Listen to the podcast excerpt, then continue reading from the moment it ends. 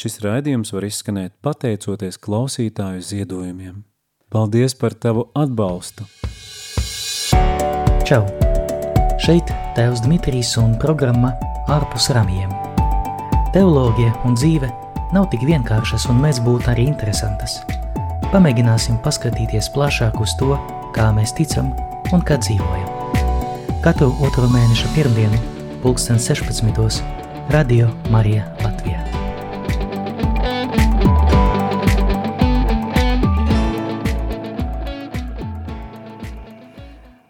Labvakar, labvakar, darbie radio Marija klausītāji. Otrā mēneša pirmdiena, mūsu pirmā tikšanās jau jaunajā 2000, 2024. gadā. Es ceru, ka ar mikrofoniem viss ir kārtībā un viss iet. Un, darbie klausītāji, šodien, kaut arī es gribēju to geštaltu jau aizvert krietni agrāk, jo pirms Kristus dzimšanas svētkiem pasaule nāca klājā, klājā jaunā mm, ticības dikastērijas deklarācijas, deklarācija fiduča suplikants, kas izraisīja lielu troksni gan Latvijā, gan arī visā pasaulē. Tāpēc tomēr es nolēmu mazliet um, at, uh, izdarīt vienu soli atpakaļ uz pagājušo gadu un pievērst mūsu uzmanību arī šai deklarācijai, bet es gribētu, lai mēs paskatītos mazliet plašāk uz kontekstu – Un tāpēc šīs dienas programmas nosaukums ir Kā veidojas teoloģija?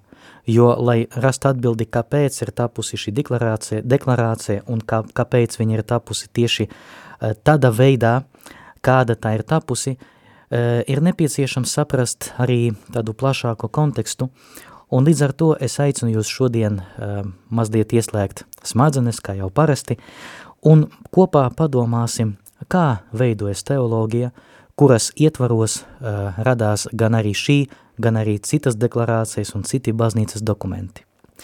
Šodien es aicinu jūs izdarīt tādus četrus soļus kopā, un uh, šo soļu gaitā un šīs sarunas laikā mēs mēģināsim uh, sāks, sākot no atklāsmes, nonākt arī pie pašas šīs deklarācijas, un dažas lietas es gribētu paskaidrot arī tieši par to, lai tas mūs nemulsinātu kā katoļus un lai tas nedarītu e, tādu lietu, ka mēs tagad pēkšņi sāksim visi gan pāvestu Francisku, gan arī e, bīskapus vai priesterus saukt par herētikiem un uzskatīt sevi par visgudrākiem un antimodernistiem.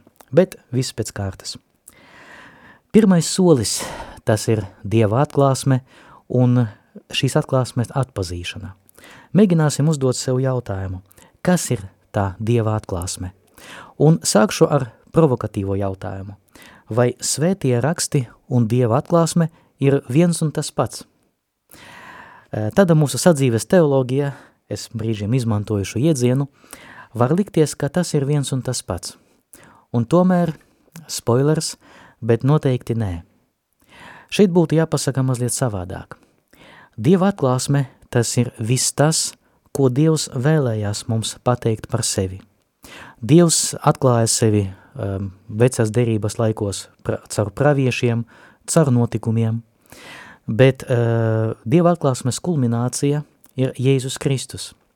Nepavelti mēs saucam Jēzu Kristu par vārdu ar lielu V burtu, bet šis jēdziens ir ņems no grieķu valodas logos, un vārds logos īstenībā nozīmē ne tikai vārdu, Eh, bet arī nozīmē, eh, tam, šim vārdam arī ir citas nozīmes, piemēram, jēga, eh, izpratne, nosaukums, vārds un tā tālāk, jo grieķu valoda ir diezgan bagāta un brīžiem grieķu vārdi var apzīmēt dažādas realitātes.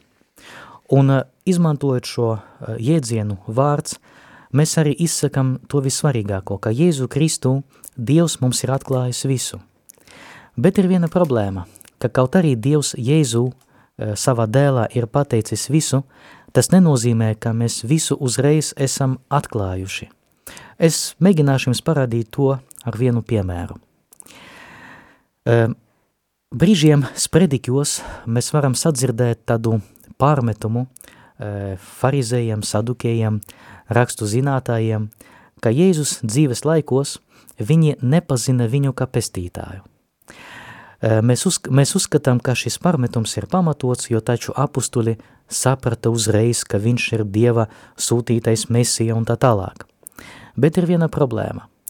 Ja apustuļi patiešām bija uzreiz sapratuši, ka Jēzus ir Dieva svaidītājs, ka viņš ir mesija, ka viņš ir pestītājs, tad kāpēc tajā brīdī, kad Jēzus tika arestēts lielajā ceturtdienā, kāpēc viņi visi aizbēga projām? Ja viņi bija tik pārliecināti, ka viņš ir pestītājs, ka viņš ir jūdas un judējas un visas pasaules karalis, kāpēc viņi aizbēga projām? Atbilde ir ļoti vienkārša, ka kaut arī Jēzus sevi atklāja, ka pestītājs, tas nenozīmē, ka apustuļi uzreiz saprata, ka viņš tieši ir tas mesija. Jo pietiek atcerēties eh, slaveno eh, dialogu starp Zebedeja dēliem un Jēzu, vai citā versijā starp Zebedeju dēlu māti un Jēzu. Kungs liekts mums vai liec, lai šie mani divi dēli tava valstība sēdētu pa tavai labai un pa tavai kreisai rokai. Viņi bija domājuši, domājuši ka Jēzus būs tas mesija, tas um, atbrīvotais, kas atbrīvos svēto zemi Izraēli no Romas okupantiem un galu galā Izraēla būs brīva. Bet Jēzus bija runājis pilnīgi par citu, par citu valstī, par Dieva valstību. Un apustuļi saprata, ka jē, kas ir Jēzus tikai pēc viņa nāves un augšām celšanās. Galu galā paši evangelisti raksta, ka tikai vēlāk viņi saprata, kā. Jā, un šo, šos vārdus mēs dzirdēsim nevienu vien reizi evangēlijos.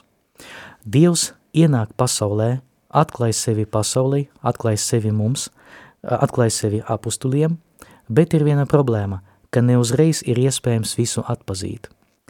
Kā Dievs ienāk pasaulē tādā gadījumā? Viņš atklāja sevi vēsturē, bet kā mēs atpazīstam Dieva atklāsmi? Mēs atpazīstam to sekojoša veidā. Notiek kaut kādi notikumi, atvainojas par tautoloģiju, notiek kaut kādas īpašas lietas. Vēlāk cilvēki, kas ņēma dalību šajos notikumos, piemēram, Jēzus dzīves laikā, viņi uh, sāk domāt, bet kāpēc notika tā, bet ne savādāk? Ko Dievs vēlējas ar to pateikt? Uh, ar teoloģisko valodu, runā, teoloģiskā valoda runājot, mēs varētu pateikt tā, ka notika notikums, un pēc tam notiek refleksija, jeb šī notikuma jēgas atklāšana, un pēc tam tiek izdarīti secinājumi. Ja mēs uzdosim jautājumu, kas ir evangēlija? Evangēlija, visi četri, tas nav hronikas no Jēzus dzīves. Evangēlija tie ir teksti, kuri ir tapuši, reflektējot, ja pārdomājot Jēzus dzīves gaitas, atceroties visu to, ko viņš darīja, atceroties visu to, ko viņš mācē, mācēja, mācīja, un uh, atceroties visu to, ko paši apustuļi pier, pieredzēja un pārdzīvoja, uh, saskaroties un dzīvojot kopā ar pestītāju, segojot viņam un klausoties viņā. It īpaši vissvarīgākais notikums visos evangēlijos ir Jēzus Kristus nāve un augšām celšanās. Un tāpēc mēs redzam, ka apustuļi saprata to vēlāk. Un nākošais solis, kas notika pēc šīs saprašanas, tas ir teksta tapšana. Varbūt dažiem no jums tas būs atklājums, bet īstenībā mm, vismaz trīs no četriem evangēlijiem ir tapušas jau pēc 70. gada. 70. gads mūsu ēras, tas ir gads, kad tiek izjauktā um, Jeruzalemes svētnīca ka no šī laika kristietības un, un judaisma ceļi ir pilnīgi šķirušies uh, un uh, vairs neiet kopā roku rokā.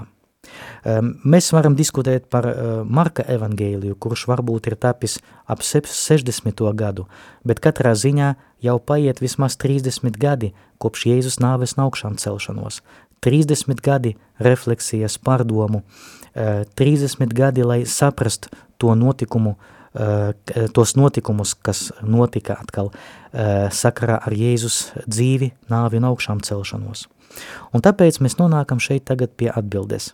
Svētie raksti, tie ir raksti, kas ietver Dieva atklāsmi, bet ietver jau šo atklāsmi, kuru paši apustuļi, jeb iedvesmotie autori ir pārdzīvojuši un kuri par to ir jau domājuši, kuri uh, par to ir veikuši attiecīgu refleksiju un mēģinājuši to attēlot tādā valodā, ar tādiem iedzieniem, kas viņiem bija pieejami viņu laikā. Mēģināsim veikt kaut kādu eks, vienu eksperimentu, teoloģisku eksperimentu. Iedomāsimies, ka Jēzus ir nācis pasaulē kā pestītājs nevis, um, mūsu, nevis mūsu ēras sākumā, mūsu ēra sākās ar Jēzu, protams, bet iedomāsimies, ka viņš atnāca mūsu laikos – Eh, vai viņš būtu arī tāds pats mesija, tāds pats Jēzus, kāds viņš ir bijis uh, ap 30. Mūsu, 30. gadu mūsu ēras? Varbūt viņš varētu būt savādāks. Varbūt viņš jau nestaigātu pa uh, Palestīnu un Izraeli, bet varbūt viņš uh, būtu uztaisījis kaut kādu video blogu, varbūt viņam būtu savs kanāls YouTube, varbūt viņu būtu paaicinājuši, paaicinājuši šeit uz Radio Marija, ja? mēs nezinām. Ja? Bet noteikti tas būtu pilnīgi savādāk un noteikti viņš izmantotu mums saprotamus jēdzienus.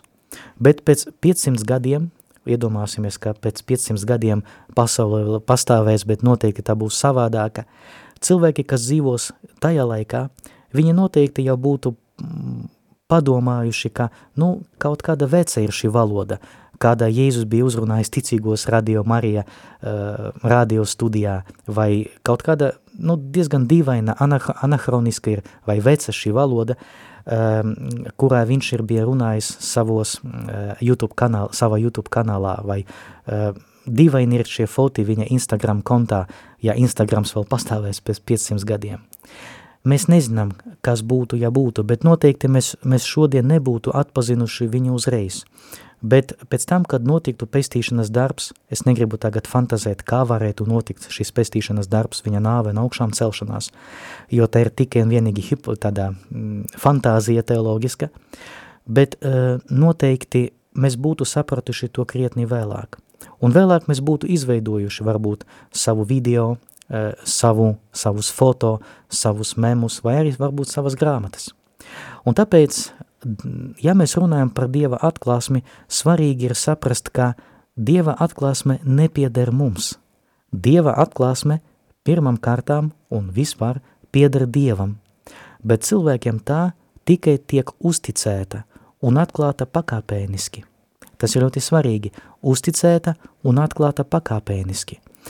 Dieva atklāsme tiek uzticēta baznīcai glabāšanā un interpretēšanā, bet ne jau veidošanā – Un tas ir ļoti svarīgi, ka mēs neesam Dieva atklāsmes kungi.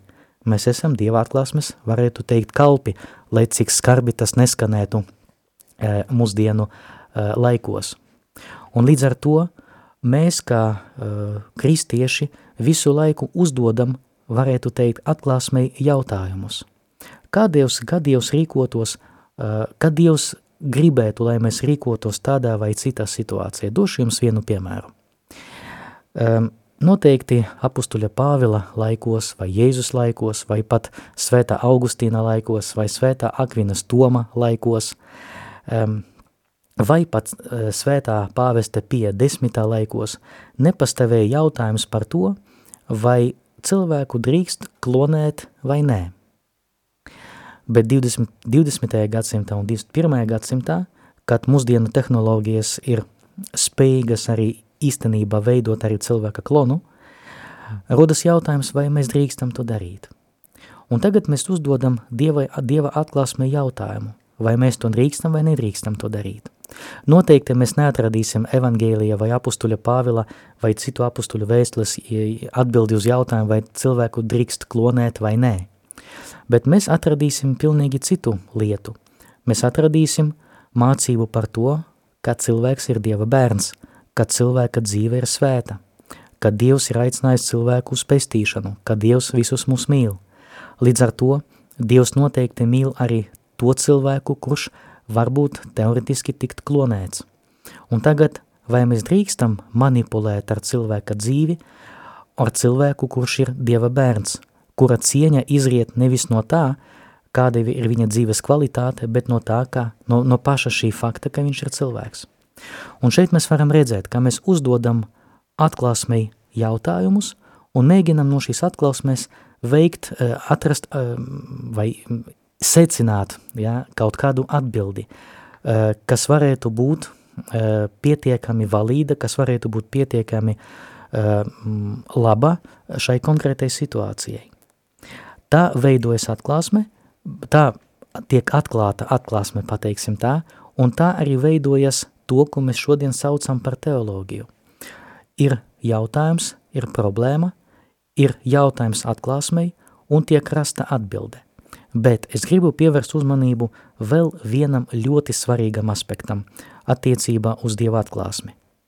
Dieva atklāsmes adresāts ir tikai un vienīgi baznīca. Dieva atklāsmes adresāts ir kopiena, nevis viens cilvēks. Neviens cilvēks pasaulē, starp citu ieskaitot arī pāvestu, nevar pateikt, ka atklā es esmu cilvēks, kuram ir pilnas tiesības pateikt, ka es zinu, kā, ko Dievs vēlējas pateikt savu šo atklāsmi.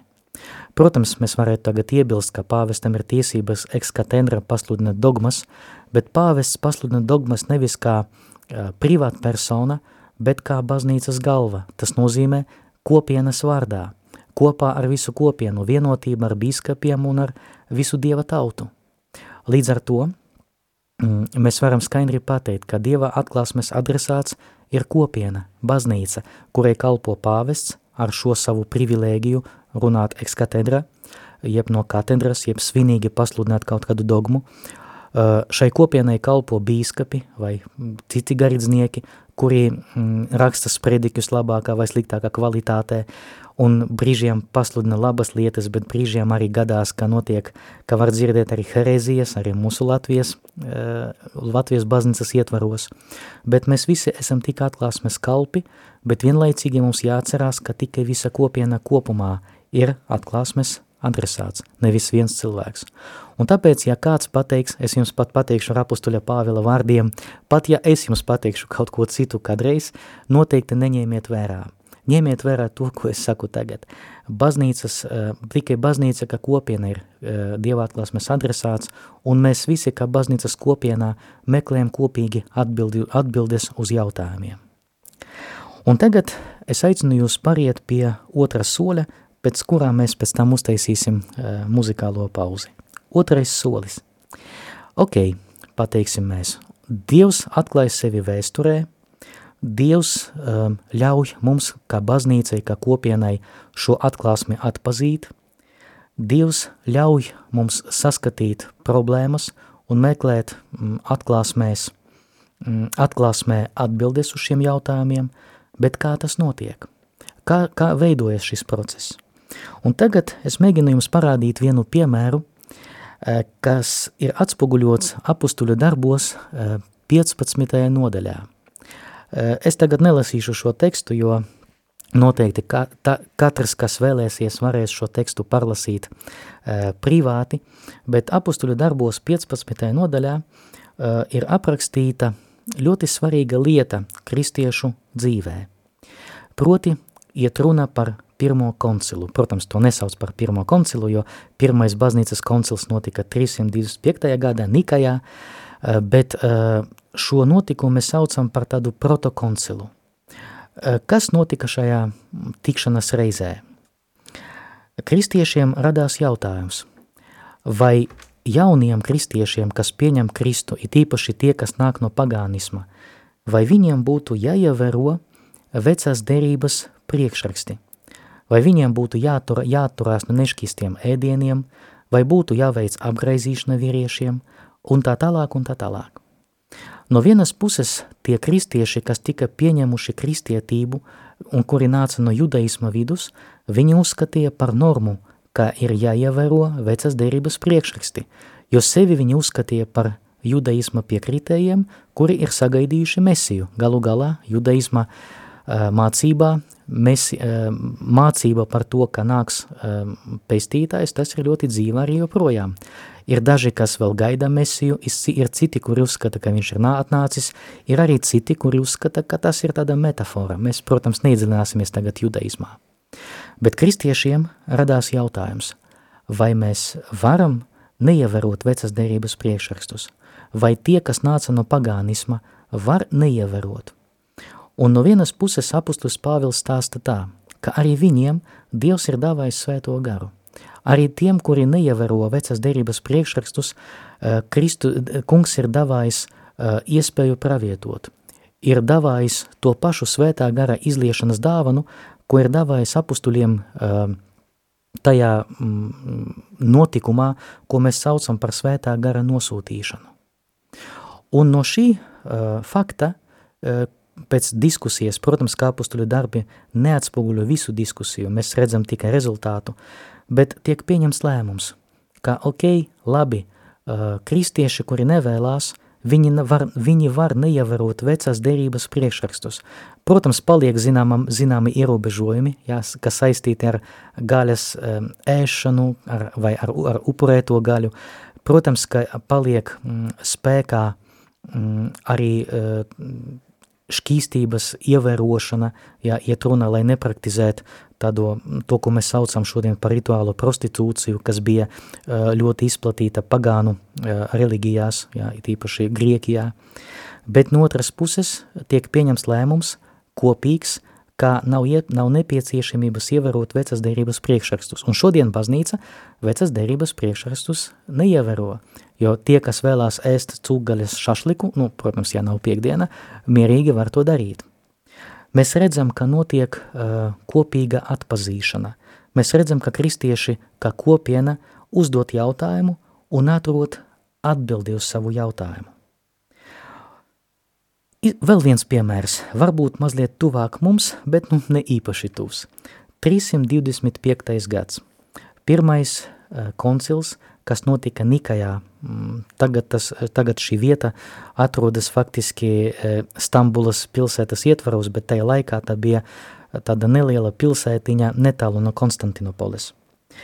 Nikajā rodas, radās jautājums, vai, tas nozīmē kristiešiem radās jautājums, uh, vai Jēzus Kristus ir Dievs un cilvēks.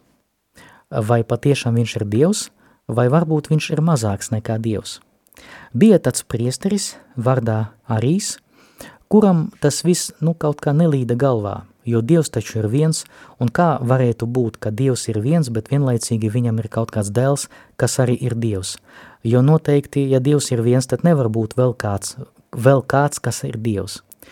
Un arī izdomā ļoti interesantu koncepciju, ka Dieva dēls nav gluži Dievs, viņš tāds um, ir mazāks nekā tēvs, ja, viņš ir pakļauts tēvam. Ja. Un līdz ar to uh, ļoti daudziem arī bīskapiem uh, šī koncepcija patika, jo viņa bija skaidra, viņa bija vienkārša. Un galu galā notiek gandrīz kā šķelšanās uh, starp pirmajiem kristiešiem 4. gadsimtā. Imperators uh, nevar to paciest, un imperators sasauc bīskapus vienā pilsētiņā, tajā Nikajā, kuru mēs tikko minējam, un liek bīskapiem galu galā tikt skaidrībā, vai galu galā uh, dēls ir līdzīgs tēvam vai nē. Un Nikajas koncila pēc strīdiem, pēc diskusijām notiek, tiek veidots formulējums. Formulējums, kuru mēs starp citu atkārtojam katru svētdienu. Atgādināšu jums šos vārdus. Dievs no Dieva, gaisma no gaismas, es ticu uz, uz, uz Jēzu Kristu, vienpiedzimušo Dieva dēlu, pirms visiem mūžiem no Tēva dzemdinātu, Dievu no Dieva, gaismu no gaismas, patiesu Dievu no patiesa Dieva, dzemdinātu un radītu būtībā līdzīgu Tēvam. Vai šie vārdi e, šķiet tikai, vien, tikai un vienīgi tādi skaisti vārdi svetas mises laikā, kas tiek pateikti? Noteikti nē. Tā ir ļoti svarīga dogmatiska definīcija, kas ir tapusi un tika papildināta arī mazliet vēlāk, kas ir tapusi tieši, lai uh, pretoties šai arija mācībai. Bet, lai šo mācību noformulēt, bija nepieciešamas diskusijas, bija nepieciešams arī izmantot jau grieku filozofiju, un tādā, tādā veidā mēs redzam ļoti interesantu lietu, ka baznīcā atkal veidojas teoloģija, ka atbildot uz kaut kādu problēmu, mēs, eh, mēs kā baznīca vai baznīca kā kopiena mēģina rast atbildi balstoties uz svētajiem rakstiem. Un šī atbilde tiek definēta kā dogmatiskā definīcija. Tādā veidā veidojas teoloģija. Teoloģija tas ir Dieva atklāsmes, mm, kā lai to lab, labāk pateikt, nosaukt. Tas ir Dieva atklāsmes mm, skaidrošana un Dieva atklāsmes paskaidrošana citiem ar saprotamiem sava, ar, ar saprotamu valodu. Ja, jo noteikti šodienas definīcijas viņas pilnīgi atšķirās no tām dogmatiskām definīcijām, kas uh, tika veidotas um, 4. vai, nezinu, 8. gadsimtā. Uh, piemēram, pēdējā dogmatiskā definīcija par visvētākās jaunavas Marijas uzņemšanu debesīs ar dvēseli un miesu kas tika pasludināta 1950. gadā. Ja mēs mēģināsim salīdzināt tekstus un argumentāciju, tad noteikti šī, šie teksti un argumentācija būs pilnīgi dažādāki, dažādi, jo atbilstoši uh, laikmeta pasaules vīzijai, atbilstoši valodai, kuru izmanto teologi. Bet teoloģija tas faktiski atklāsmes interpretācija vai atklāsmes mācība, skaidrošana sava laikmeta cilvēkiem. Un nav, brīn, nav ko brīnīties par to, ka teoloģija laika gaitā mainās. Došu jums piemēru mazliet arī no citas operas, lai tas būtu skaidrs. Kādreiz, nu, pieņemsim 200 gadi atpakaļ vai 300 gadi atpakaļ, braukt no Daugavpils uz Rīgu, mēs laikam varējam tikai un vienīgi ar zirgu. Nu, otrā opcija iet kājām, jo pat vilcienu vēl nebija. Un noteikti cilvēkam, kas gāja uz Rīgu vai devās uz Rīgu, tas bija vesels, vesels piedzīvojums. Un noteikti šī, eh, šī braukšana eh, aizņēma eh, nedēļu vai pat ilgāk. Un tajā laikā tas likās normāli. Bet šodien, piemēram, es izbraucu no Daugavpils deviņos no rīta. Protams, ne bez grūtībām iedarbinot mašīnu tādā salā, bet priekš manis tas nebija nekāds piedzīvojums, jo es bieži braucu uz Rīgu. Mēs redzam, ka mana attieksme pret pasauli, mans konteksts, viņš ir pilnīgi savādāks nekā uh, tāda priestera konteksts, kurš dzīvoja 300 gadus atpakaļ, piemēram, tajā pašā Latgalē, tajā pašā Daugavpilī. Un, protams, ka tas, kas viņam likās normāli, man šodien neliktos normāli. Piemēram, es noteikti nedotos uz Rīgu kājām vai ar zirgu, bet noteikti izmantotu citus um, līdzekļus, lai tikt cik vien iespējams ātri uz Rīgu. Protams, es tagad nerunāju par sveceļojumu, iet kājām, protams, ir brīnišķīga iespēja un es to aicinu izmantot, bet normālajā dzīvē mēs to neizmantotu. Tāpat arī ir ar teoloģiju. Tas, kas labs bija, piemēram, 300 gadus atpakaļ, tas, kas bija pietiekams uh, ticīgajiem 500 gadus atpakaļ – ne obligāti būs pietiekams šodien. Došu vēl vienu piemēru, lai būtu skaidrs. Mēs esam pieraduši pie tā, ka mm, Euharistija tiek celebrēta baznīcā, ka mums ir altāris, ka priesteris dala svēto komuniju, kas ir tāda balta hostija uh, apaļā formā. Un mums liekas, ka tā kā tas notika visu mūsu dzīvi, mums liekas, ka tā ir bijis vienmēr – bet pamēģināsim iedomāties, kā tas notika Jēzus laikos. Svētās Marijas Magdalēnas baznīcā, un tagad es veikšu nelielu diskreditāciju, bet uh, virs galvenā altāra ir ļoti skaista svētbilde, ka Jēzus dala saviem mācekļiem komuniju. Un ja mēs mēģināsim rūpīgi vērot, mēs ieraudzīsim, ka Jēzus dala mācekļiem baltas hostijas. Bet uzdosim sev jautājumu no vēstures redzes punktā – Vai tas tā ir bijis?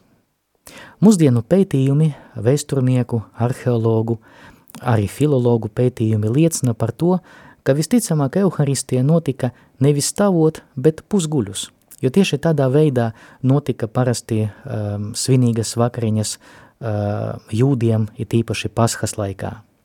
Noteikti tur nebija nekādu balto hostiju, bet notika maizes laušana. Mēs joprojām izmantoja, izmantojam pat šo jēdzienu maizes laušana. Noteikti, eh, kad Jēzus pasniedza mācekļiem maizi, eh, sakot, ka tā ir mana miesa, un vakariņu, vakariņu beigās viņš pasniedza bikeri un pateica, ka tas ir manas asinis, varbūt līdz galam apustuļi arī nesaprata, kas notiek tajā brīdī, jau pieņemot svēto komuniju faktiski. Bet no otras puses tas noteikti nenotika tādā veidā, kā tas notiek šodien. Un tas, kas apustuļiem bija normāls – pieņemt Jēzus miesu līdz galam nesaprotot, par ko iet runa, tas, kas no, tas, kā tas notika pusguļus, tas, kas notika svinīgu vakariņu laikā, tas bija normāli priekš viņiem. Bet iedomāsimies, ja mēs šodien mēģināsim celebrēt Euharistiju tieši tādā veidā. Es domāju, ka uzreiz no kurijas brauks uh, kurijas pārstāvis, uh, cik vien iespējams ātri, lai tādu priesteri suspendētu, jeb atceltu viņu no amata pildīšanas tieši tāpēc, ka viņš uh, veids profanāciju. Bet vai apustuļi veica profanāciju, kad viņi, viņi, viņi pieņema Euharistiju toreiz tieši tādā veidā? Noteikti nē.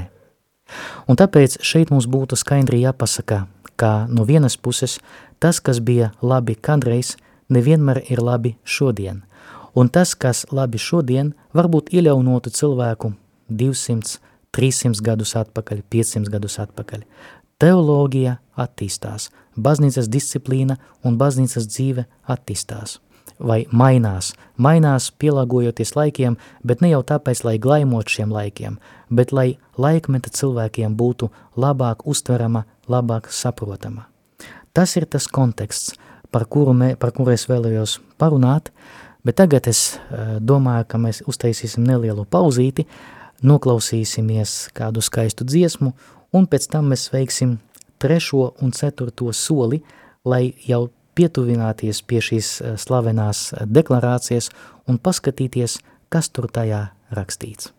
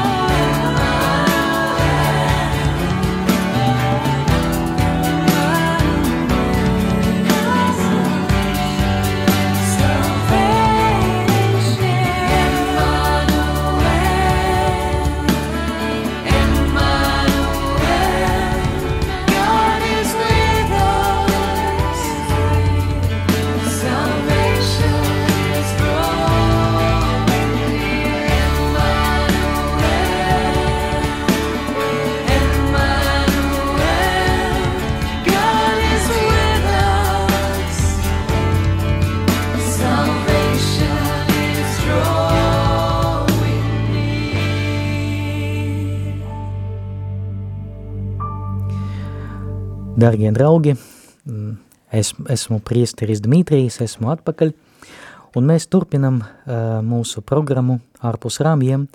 Atgādināšu, kā tāds pamat, tā pamat temats šim, šai programmai ir, kā veidojas teoloģija, bet ar mērķi, lai parādītu, kā ir tapusi tā slavenā deklarācija Fiduce Supplicants, kura izraisīja diezgan lielu vētru gan baznīcā, gan arī Latvijā, jo uh, mūsdienu žurnālisti, diemžēl, neprot lasīt baznīcas dokumentus un formulē uh, rakstu nosaukumus pēc pilnīgi citiem kritērijiem nekā patiesība, bet, nu, tas paliek uz žurnālistu sirdsapziņas.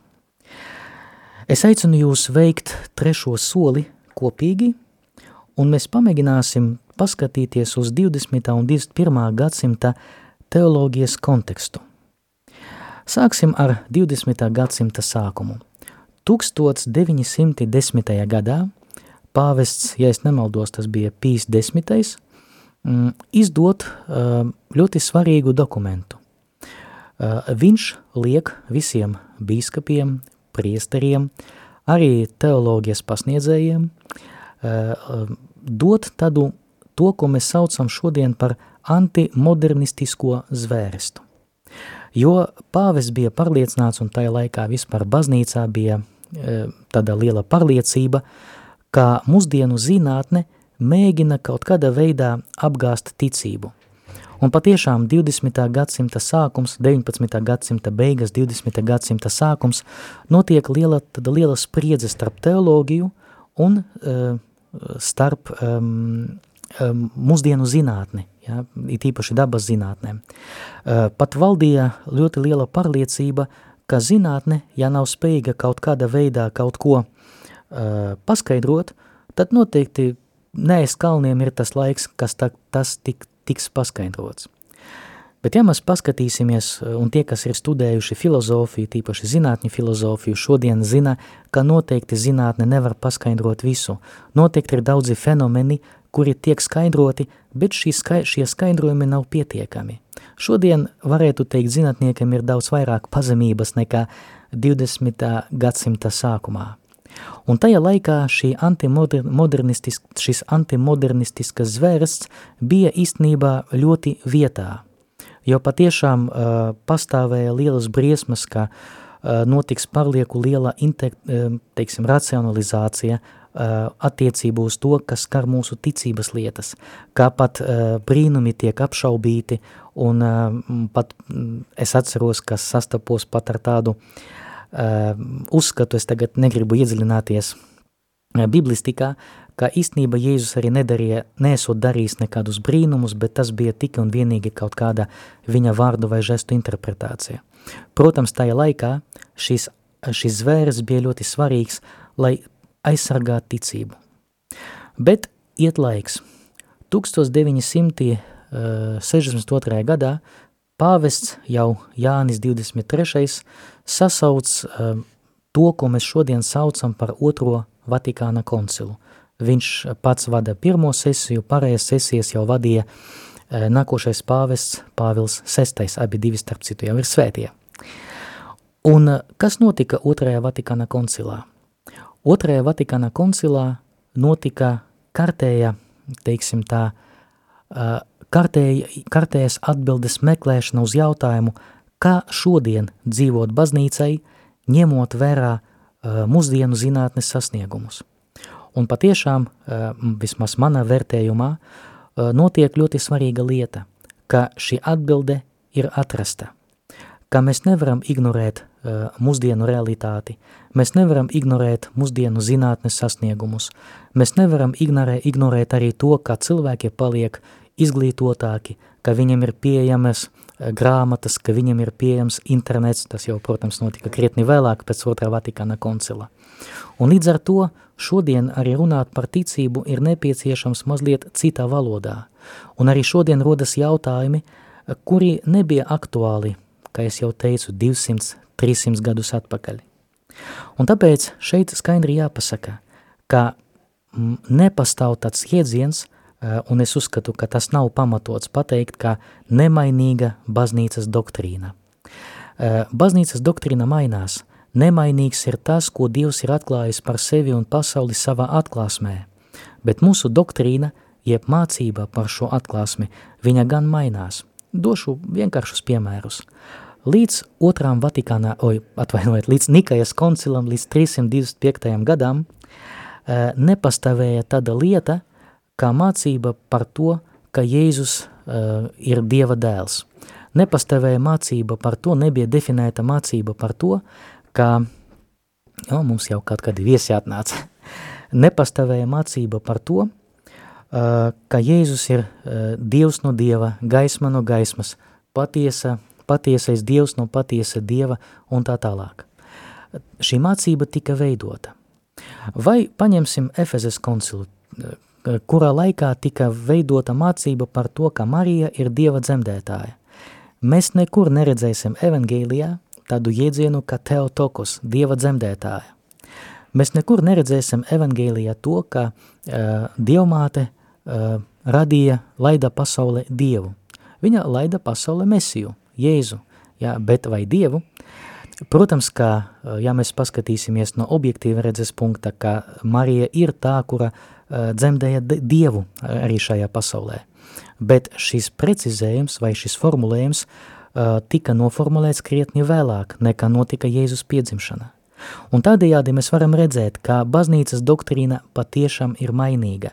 Ne tādā ziņā, ka mēs varam mainīt to tā, ka mums gribās vai tā, ka mums ir ērti, bet baznīcas doktrīna mainās tādā ziņā, ka viņa tiek precizēta, ka, ka tajā tiek atklātas kaut kādas jaunas lietas, par kurām agrāk netika domāts. Atgriezīsimies pie šī piemēra. Noteikti neviens nebija domājis e, par klonēšanu 300 gadus atpakaļ, bet šodien mums skaidri jādod atbilde saskaņā ar Dieva atklāsmi, kas e, īstenībā ir Dieva gribas izpausme šajā pasaulē, vai klonēšana ir morāli pieļaujama? Nu, protams, ka nē. Tāpēc uh, varbūt atstāsim novārtā jau tādu iedzienu, ka nemainīga baznīcas doktrīna, jo doktrīna kā tāda, viņa tiek pilnveidota, viņa mainās. Varbūt došu vēl vienu piemēru, lai e, jums šo mazliet lietu ilustrētu. Mēs bieži vien runājam par tādu realitāti, ko mēs saucam par pirmdzimto grēku. Īstenībā man pašām ļoti patīk, vai man pašam pat arī uh, šķiet pareizāk runāt iz, uh, savādāk. Izmantot iedzienu pirmgrēks, uh, kā to teica profesori Brudere man kādreiz, jo pirmdzimtais grēks tas ir tādā, mm, kā lai to pasaka, tas ir štamps, kas ir pārņemts no uh, krievu un poļu valodas Grieh pirmrodnī, gžeh pirmrodnī. Jo īstenībā reāli baznīcas teologija tik izmantots cits jēdziens, kas nāk no latiņu valodas pekatum originale. Ja? Un originale, šis oriģināls, ja, tas nenozīmē, ka tas ir pirmdzimtais, tas nozīmē, ka tas ir visu grēku attēls, ja, pirmattēls. Ja? Un tāpēc vislabāk būtu izmantot iedzienu pirmgrēks. Un ļoti daudzus gadsimtus baznīcā pastāvēja tāda pārliecība, ka pirmgrēks tas bija konkrēta cilvēka lēmums, Ādama lēmums apēst kaut kādu uh, augli no Dieva dārza. Bet šodienas teologijā mēs jau skatāmies pilnīgi savādāk uz šo jēdzienu, jo šodien arī mūsdienu zinātnes parāda, ka laikam tomēr um, cilvēces pirmsākumos nebija runa par vienu konkrētu vai divām konkrētam personām, bet Ādams un Ieva simbolizē cilvēci. Es, protams, negribu tagad iedziļināties um, radīšanas grāmatas um, egzegēzē, bet kopumā ņemot, mēs šodien uh, mazliet savādāk saprotam pirmgrēka būtību, jo nebija runa par augļa apēšanu, bet bija runa par kaut kādu nepaklausību vai par kaut kādu izvēli, kas uh, pilnīgi sagro, nu, ne pilnīgi, bet gandrīz uh, izjauca cilvēka attiecības ar Dievu cilvēka tuvību ar Dievu, cilvēka draudzību ar Dievu. Tāpēc uh, mēs varam redzēt, ka arī mūsdienu teoloģija mainās, kaut arī šodien tas nav ļoti populārs temats – pirmgrēks. Un tagad, zinot visu šo kontekstu, uh, es vēlētos izdarīt vēl pēdējo soli, ceru, ka laika mums vēl pietiks, uh, vēlētos pievērst uzmanību tieši šim dokumentam fiducia supplicants, bet es, protams, tagad ne, nerunāšu par pašu dokumentu, jo tagad šis dokuments ir pieejams izlasīšanai eh, dažādas valodās un katrs, kurš vēlās, varētu to izdarīt. Bet uzdosim sev jautājumu, kāpēc ir tapis šis dokuments, kādā kontekstā? Pirmam kārtām skaidri jāpasaka, ka rietumu civilizācijā vienzimuma attiecības nu, tiek uzskatītas par normu. Gribam mēs vai negribam, bet ļoti daudzi spikeri, ļoti daudzi cilvēki pasaulē saka, ka tā varētu būt normā. Un kristiešiem, gribot vai negribot, bet būtu jādod atbilde, bet mēs taču nevaram izliekties, ka nav cilvēku, kuri dzīvo kopā. Mēs nevaram arī izliekties, ka homoseksuālu personu nav. Mēs arī nevaram izliekties, ka uh, daudzas laudības izjūg un cilvēki veido jaunas attiecības. Ja? To, ko mēs tādā baznīcas nomenklatūrā saucam par neregulārām uh, attiecībām ja? vai par neregulārām laulībām. Uh, nu, cik tas iespējams izmantot uh, vārdu laulība šajā kontekstā. Un tagad baznīca rodas jautājums, uh, bet kā attiekties pret viņiem? No vienas puses mēs varam pateikt, šīs attiecības ir grēcīgas un tā būs pilnīga patiesība. Bet no otras puses mēs nevaram pateikt cilvēkiem, vācieties projām, Dievs jūs nemīl. Tā būtu pilnīga aplamība. Atcerēsimies Franciska eklezioloģiju. Kad pāvestam kādreiz pajautāja, kā viņš, uz, kā viņš uztver baznīcu, viņš pateica, ka baznīca nav muzeja, bet baznīca ir kā kara hospitāls, kur atnes ievainotos, lai cik vien iespējams ātri dot viņam, dot viņam palīdzību un neļaut viņiem mirt. Un es domāju, ka tas ir ļoti labs attēls, lai parādītu, ka cilvēki patiešām ir grēka ievainoti, bet baznīcā viņi var rast vietu, viņi var atrast vietu, kur viņi, viņam tiek sniegta palīdzība. Bet ne tāda palīdzība, kādu viņi vēlās, bet tāda palīdzība, kas patiešām ir saskaņa ar Dieva gribu. Un tagad paskatīsimies uz vienzimumā un arī neregulāriem pāriem. No vienas puses mēs skaidri pateiksim, ka šīs attiecības nu, nevar būt akceptētas kā laulība, jo laulība ir tikai starp vīrieti un sievieti, un citas opcijas vienkārši nepastāv. Un šajā jautājumā Dieva atklāsmē mm, nepastāv e, citu variantu, ka tikai tāda atklāsmes interpretācijā. Bet no otras puses ir cilvēki, kuri ir iegājuši šajās attiecībās. Un līdz ar to lai nepadarītu viņiem no vienas puses tādu lāču pakalpojumu, uh, izdzenot viņu sarā, bet no otras puses, lai arī uh, ne, neizdarīt baznīcā tādu lietu, ka pēkšņi pieļaut arī uh, neregulāru pāru svētību. Ja mēs uzmanīgi palasīsim šo deklarāciju, it īpaši 41. punktu, tad mēs ieraudzīsim ļoti interesantu lietu, ka tieši šis punkts nevis ļauj svētīt vienzimuma vai neregulāras pāris, bet šis punkts tieši liec dāvāt viņiem tādu svētību, kas liktu domāt, ka tas ir normālas attiecības, ka šis punkts neļauj dāvāt tādu pašu svētību, kāda tiek dota laulības sakramentā. Un faktiski, ja mēs mēģināsim salīdzināt pašu dokumentu ar tiem nosaukumiem, ko mēs bijām ar tiem uh, rakstiem un virsrakstiem, kas bija eh, dažos medijos paradījušies gan Latvijā, gan pasaulē, tad īstenībā mēs ieraudzīsim, ka pareizi būtu uzrakstīt nevis Vatikāna dikastērija atļāva svētīt vienzimuma pārus, bet Vatikāna dikastērija tieši aizliedza svētīt vienzimuma pārus kā laulību. Bet viņa atļāva dot tikai svētību cilvēkiem, kuri šajās attiecības ir, nevis, ne, nemaz nesakot, ka šīs attiecības ir kaut kas normāls. Jā, uz hospitāli atnes nevis veselus, bet slimus. Jā, uz hospitāli atnes cilvēku, kurš vēlās tikt um, izglābts no nāves briesmām. Un varbūt arī cilvēki, kuri atrodas kaut kādās nu, grūtajās situācijās, neregulāras attiecības un varbūt arī vienzimuma paros, varbūt arī viņi meklē Dieva palīdzību.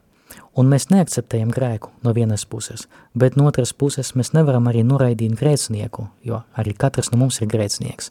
Es brīžiem sev uzdodu tādu jautājumu.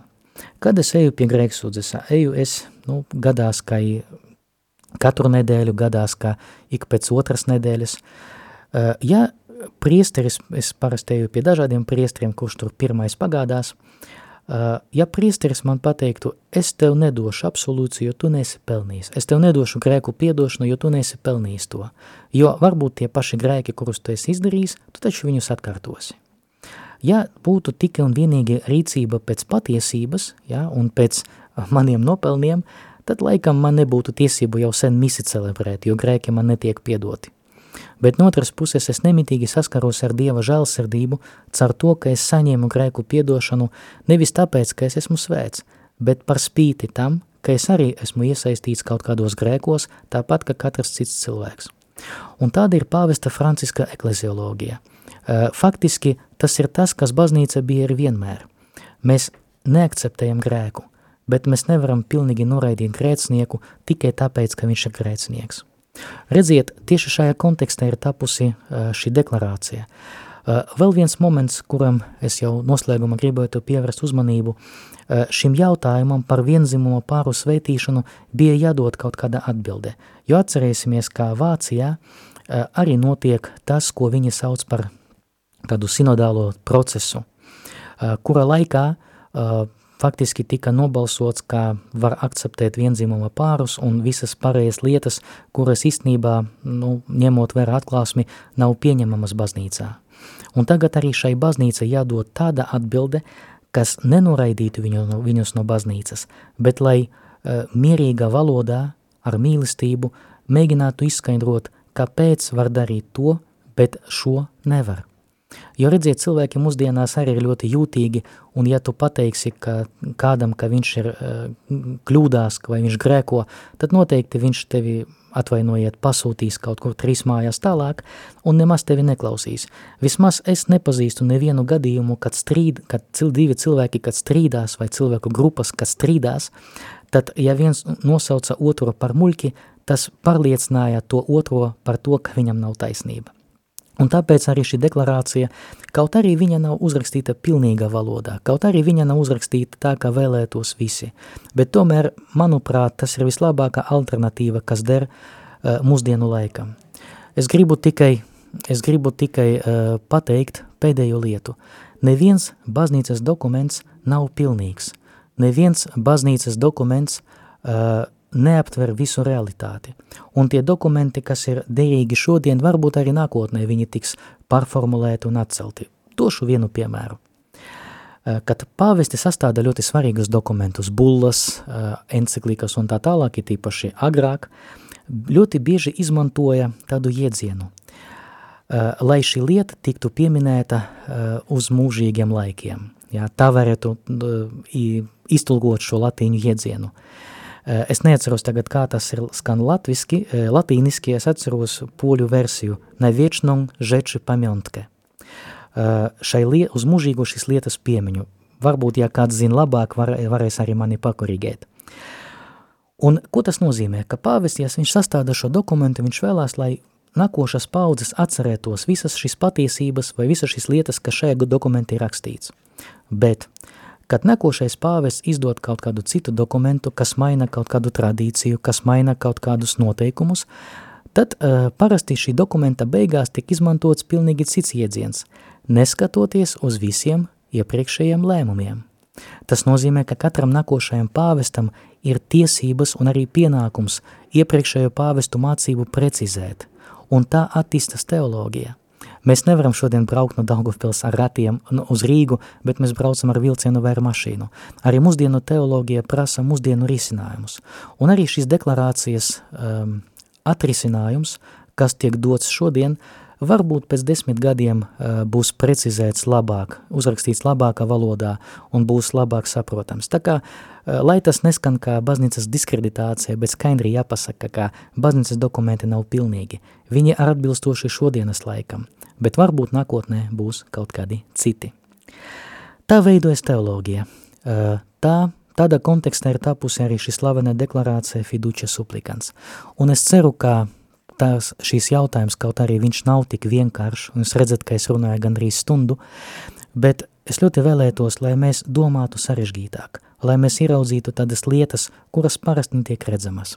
Un tieši tāpēc šī programma ir ārpus rāmjiem. Nu ko, Redzēsimies ar jums pēc mēneša, otrā pirmdienā jau februārā mēnesī. Paldies jums par uzmanību, ar Dievu! Čau, mani dargie draugi! Čau!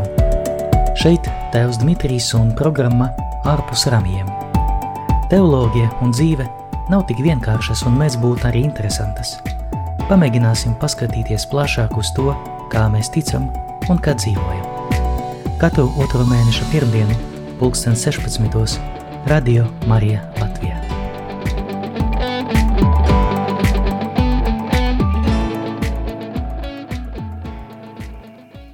Šis raidījums varēja izskanēt pateicoties klausītāju ziedojumiem Radio Marija Latvija uzturēšanai.